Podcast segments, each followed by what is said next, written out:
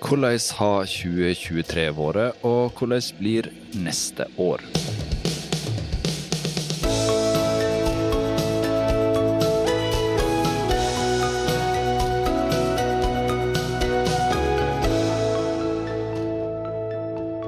Hei og velkommen til en ny episode av Byggeindustrien bygg.no sin podkast Byggeplassen. Jeg heter Frode Aga, og med meg som vanlig så har jeg Kristian Aarhus.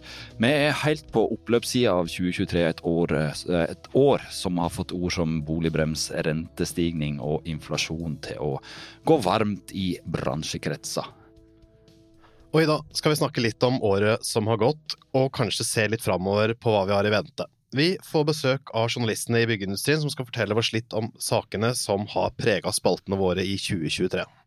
Ja, Det skal handle om rente, som sagt, og det skal handle om oppsplitting av sammenslåtte fylke Flom, et skandalisert byggeprosjekt eh, som er ledet av halvbror til Osama bin Laden. Ja, det blir en variert meny, eh, det kan jeg love dere, den neste halvtimen her i Byggeplassen. Og vi begynner med deg, Arve Brekkhus, sjefredaktør i Byggeindustrien. Du skriver både saker og ikke minst ledere gjennom åra i byggeindustrien og på bygg.no. Hva er det egentlig du sitter igjen med etter 2023? 2023 har jo, som de foregående årene, vært litt sånn spesielt. Det har vært litt sånn unntakstider som har eh, forplanta seg videre fra, ja, fra 2020 og utover, egentlig, og med både pandemi og krig.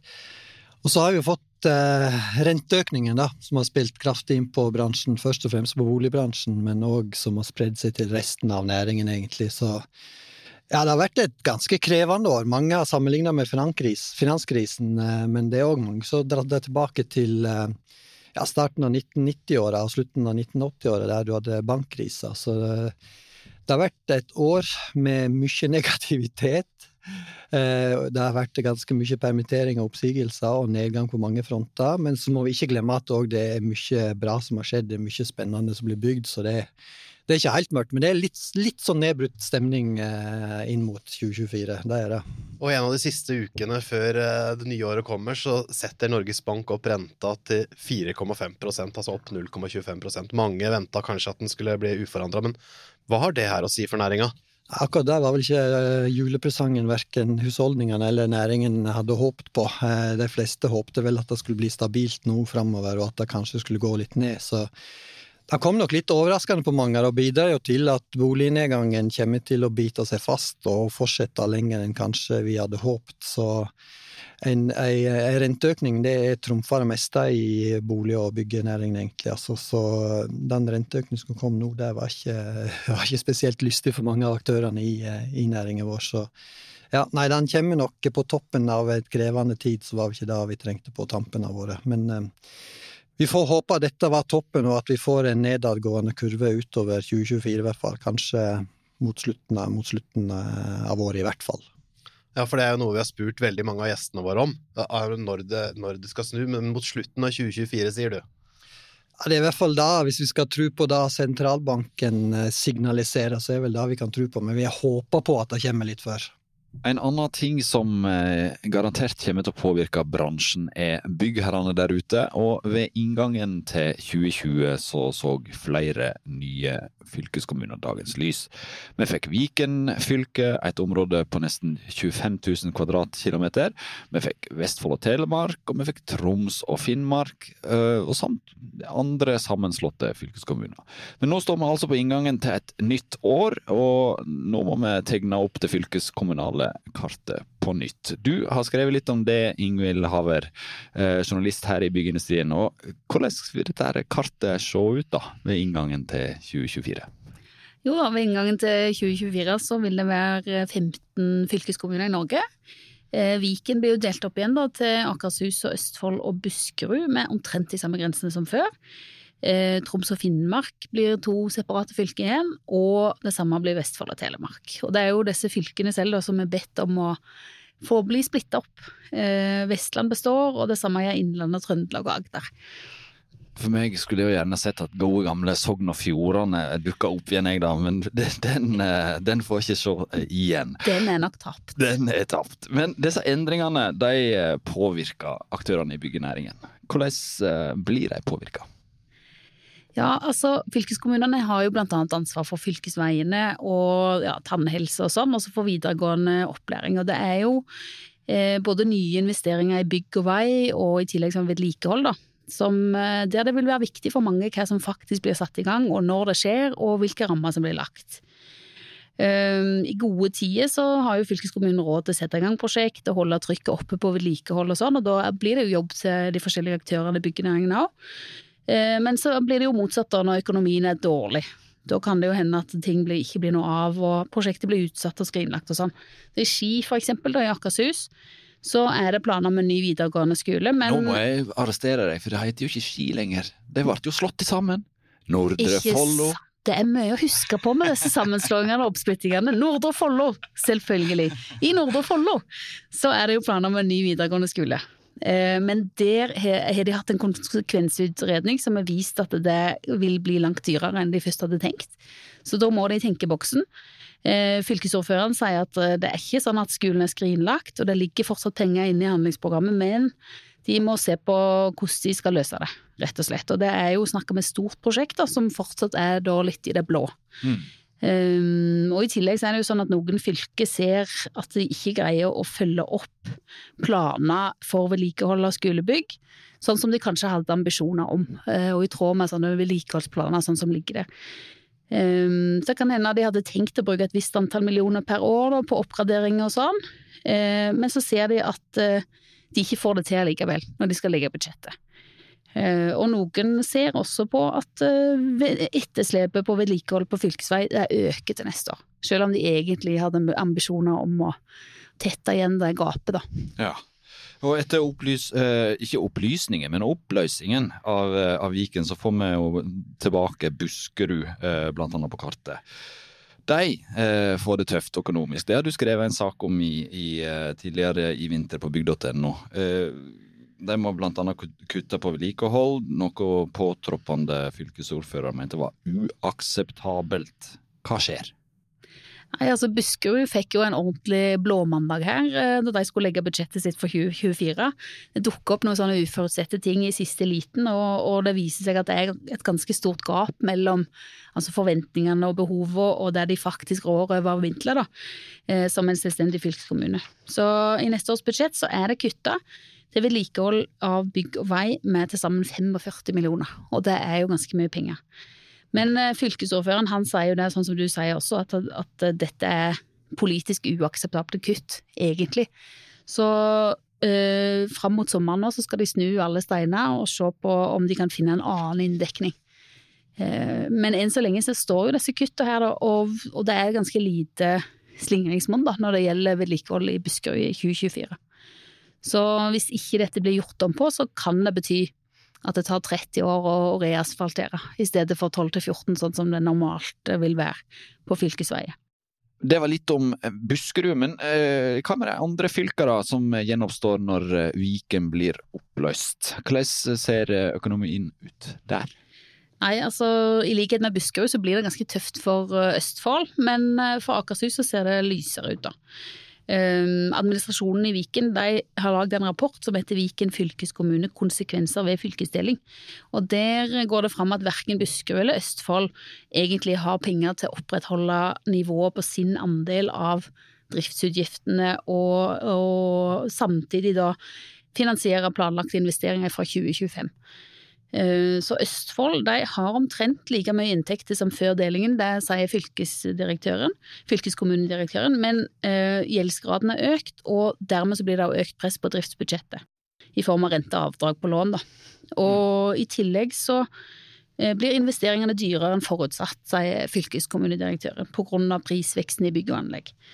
Så, mens Akershus, der er det litt greiere. Eh, Så de prioriterer faktisk å øke rammen til vedlikehold av fylkesvei med 37 millioner. Så fylkesordføreren der, han eh, tenker at denne delingen kommer til å gå kjempefint. Det kommer til å gå kjempefint. Jeg har lest noe, jeg vet ikke om det stemmer, men Asker og Bærum er vel noen ganske bemidla kommuner sånn sett eh, inni der, som gir litt skatteinntekter, så det bidrar vel. Ja. Eh, og så lurer jeg på, eh, for jeg hører jo med noen kostnader her, det er ikke gratis dette her å skulle dele opp disse fylkene på nytt da. Hva er prislappen for staten? Ja, altså Regjeringen har jo sagt at de skal dekke alle merutgifter som er nødvendige, og som er sånne direkte gjengangskostnader da, i forbindelse med oppdelingen. Eh, så de bruker 177 millioner ekstra nå i 2023. Og totalt så sier de at regningen kommer til å komme opp i 795 millioner kroner. Det er da for fylkesdelingen og fordelingen av Ålesund kommune. Men det virker ikke som om det med kostnader, det virker ikke som om regjeringen på en måte bekymrer seg så mye for det. da. Eh, statssekretær Ole Gustav Naru snakka med han tidligere i høst, og han minner jo da om at disse fylkene ble jo i sin tid sammenslått med tvang, og at dette var et viktig tema i, i valgkampen da, for regjeringspartiene. Ja, gratis er det heller ikke å bygge seg opp igjen når uvær og flom har herja. For én ting som har påvirka den norske byggenæringen i stor grad i år, er uværet Hans, som herja mellom 7. og 9. august i år. Store nedbørsmengder, elver som gikk langt over breddene sine i hele Sør-Norge. og ja, flommen førte bl.a. til at ei viktig jernbanebru, Randklev bru, raste sammen, og i ei rekke norske kommuner så måtte beboere evakueres fra sine heimer. Marius Lysø, du var en av mange journalister som, eh, som tok turen til Nesbyen i august. og hva, hva slags eh, syn var det som møtte deg der? Der var det store skader på bygg og inventar. Entreprenører var i full sving med å rydde og bygge opp igjen bygninger og infrastruktur. I byggene jeg besøkte, hadde håndverkerne dratt ut mye isolasjon, og deres neste oppgave var å rive bjelkene i byggene.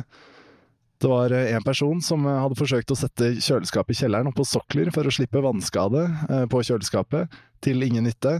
Jeg fikk også se bilder av folk som måtte ta båt for å komme seg vekk fra hjemmene sine under hans. Ja, og så var du eh, blant annet innom en Coop-butikk. Jeg husker noen bilder derifra, og det er sikkert mange som vil huske de bildene, for det gikk jo i riksmedia av ødelagt inventar, varer som flaut eh, overalt. Og hvordan tok da folk i Nesbyen det som skjedde? Hendelsen ble jo til en eh, personlig katastrofe for flere. 30 husholdninger eh, ble ubeboelige. Det er dramatisk eh, å måtte flytte fra hjemmet sitt som følge av flom. Likevel vil jeg si at folk i Nesbyen tok det med godt mot. Siden det er få innbyggere i Nesbyen, så var jo dette en hendelse som de fleste opplevde som nært på.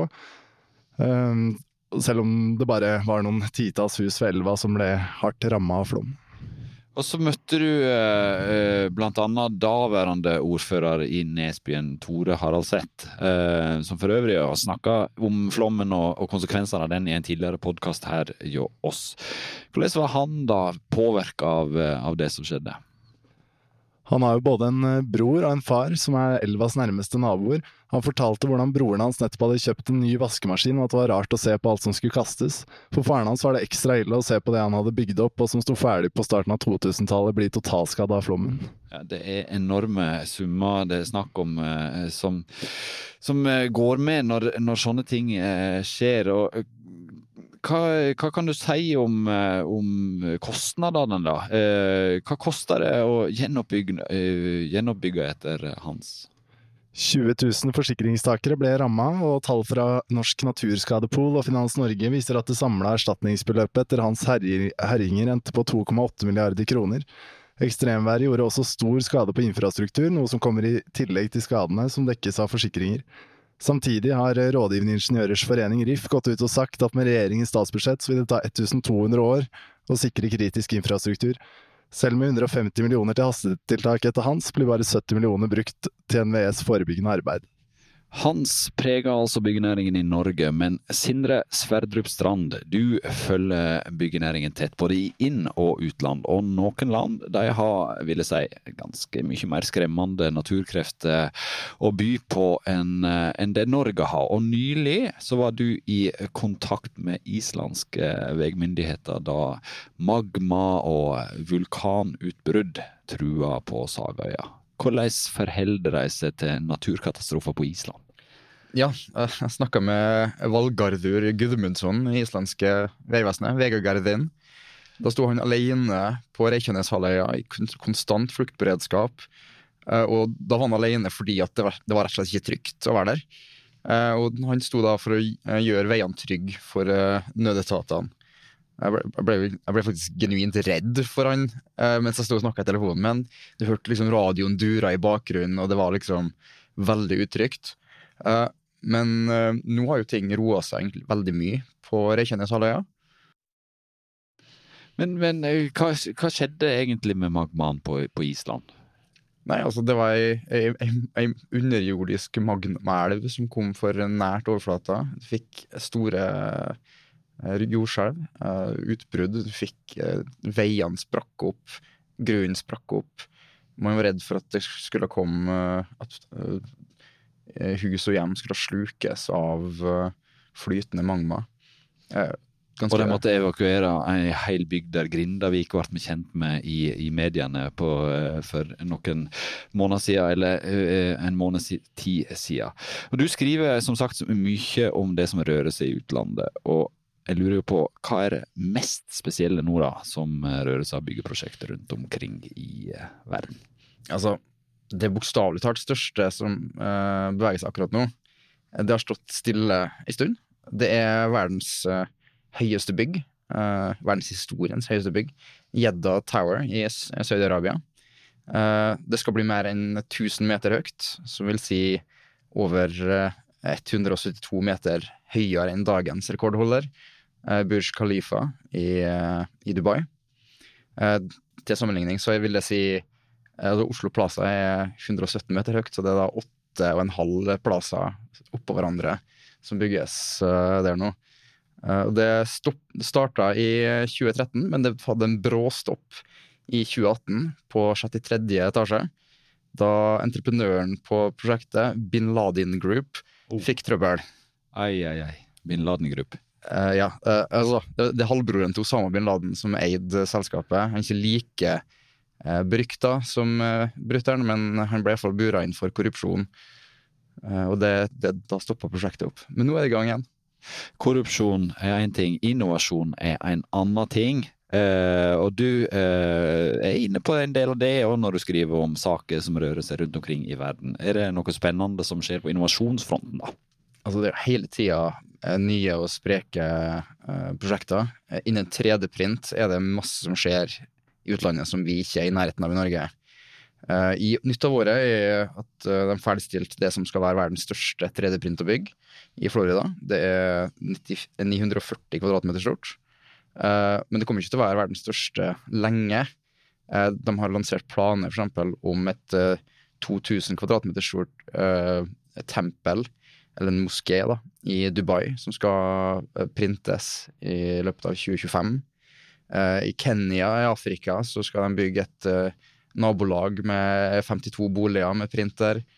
Eh, og eh, alt det her printes jo i betong. Eh, og spesielt i betongens verden så er det også utrolig mye innovasjon internasjonalt. Eh, vi har I år har det blitt lansert eh, betong av potet for bygging på Mars. Eh, betong med kokain i Ecuador for å bli kvitt eh, et problematisk eh, stoff. Eh, japanske forskere ber om at mer bleier skal blandes inn i betongen eh, for å kvitte seg med et eh, avfallsprodukt som er umulig å resirkulere. Eh, og i Australia så har de funnet ut at kaffegrut kan gi 30% sterkere betong eh, når det er gjort om til biokull. Eh, så det er mye artig innovasjon eh, som, eh, som skjer ute der. Kaffe kan kurere mye rart, har vi hørt uh, noen si. Uh, vi kommer ikke utenom Ukraina når vi snakker om verden og hvordan uh, krigen påvirker oss. Du var nylig i Warszawa på en stor konferanse der uh, gjenoppbygging av Ukraina sto sentralt. Den er i gang, den faktisk, samtidig som krigen raser. Og hva er det som skjer? Altså, det er jo mye penger som er blitt lovd fra det internasjonale samfunnet til Ukraina, mye støtte. Eh, Norge skal gi eh, 75 milliarder kroner fra 2023 til 2027 til gjenoppbygging. Eh, og det internasjonale samfunnet har forplikta seg med flere, til flere hundre milliarder. Eh, men eh, vi vet jo alle hvor vanskelig bemanning er. Og i en situasjon hvor de samme folkene som gjerne ville ha stått på byggeplassen, nå står på frontlinja, så er det jo vanskelig for ukrainerne å, bygge opp landet sitt. Samtidig som det er et stor mangel på boliger. Det er masse vital infrastruktur som er ødelagt. Og store deler av landet har vendt tilbake til en slags normaltilstand, der folk egentlig bare vil leve livene sine. og ha tak over hodet. Så de eh, har allerede bygd, bygd opp mye, og de kommer til å bygge opp veldig mye mer. Og da trenger de eh, internasjonale selskaper som er inn. Um, da jeg var i Warszawa, så eh, hadde ennå ikke et eneste internasjonalt selskap vunnet et anbud på eh, prosjektet i Ukraina, sjøl om de lyses ut internasjonalt, sjøl om det er masse interesse fra internasjonale selskaper og andre land. Eh, så de ber jo om at eh, entreprenørene melder seg nå. Mm. Eh, det, det å komme inn der etter at støvet skal ha lagt seg, vil jo se ut som krigsprofittering, så man bør ikke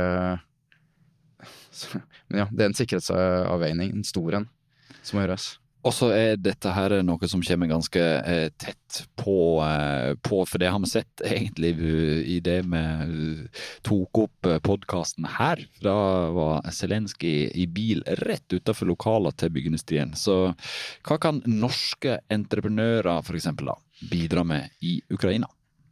Altså, uh, for det første så må man jo opprette, opprette kontakt. Det er det, antagelig det vanskeligste, som, det praktiske, som entreprenørene kommer til å møte. Uh, jeg vil anbefale uh, Norsk-ukrainsk handelskammer. De eh, jobber med det. Eh, NHO er inn og jobber med det. Eh, Innovasjon Norge er inn og jobber. Eh, og så er det egentlig bare å eh, se hva man kan gjøre. Antagelig vil det ikke være så mye norske bygningsarbeidere på bakken i Ukraina. Det er ikke der vi er sterkest, men vi har masse kompetanse, på, spesielt på bygg bærekraftig.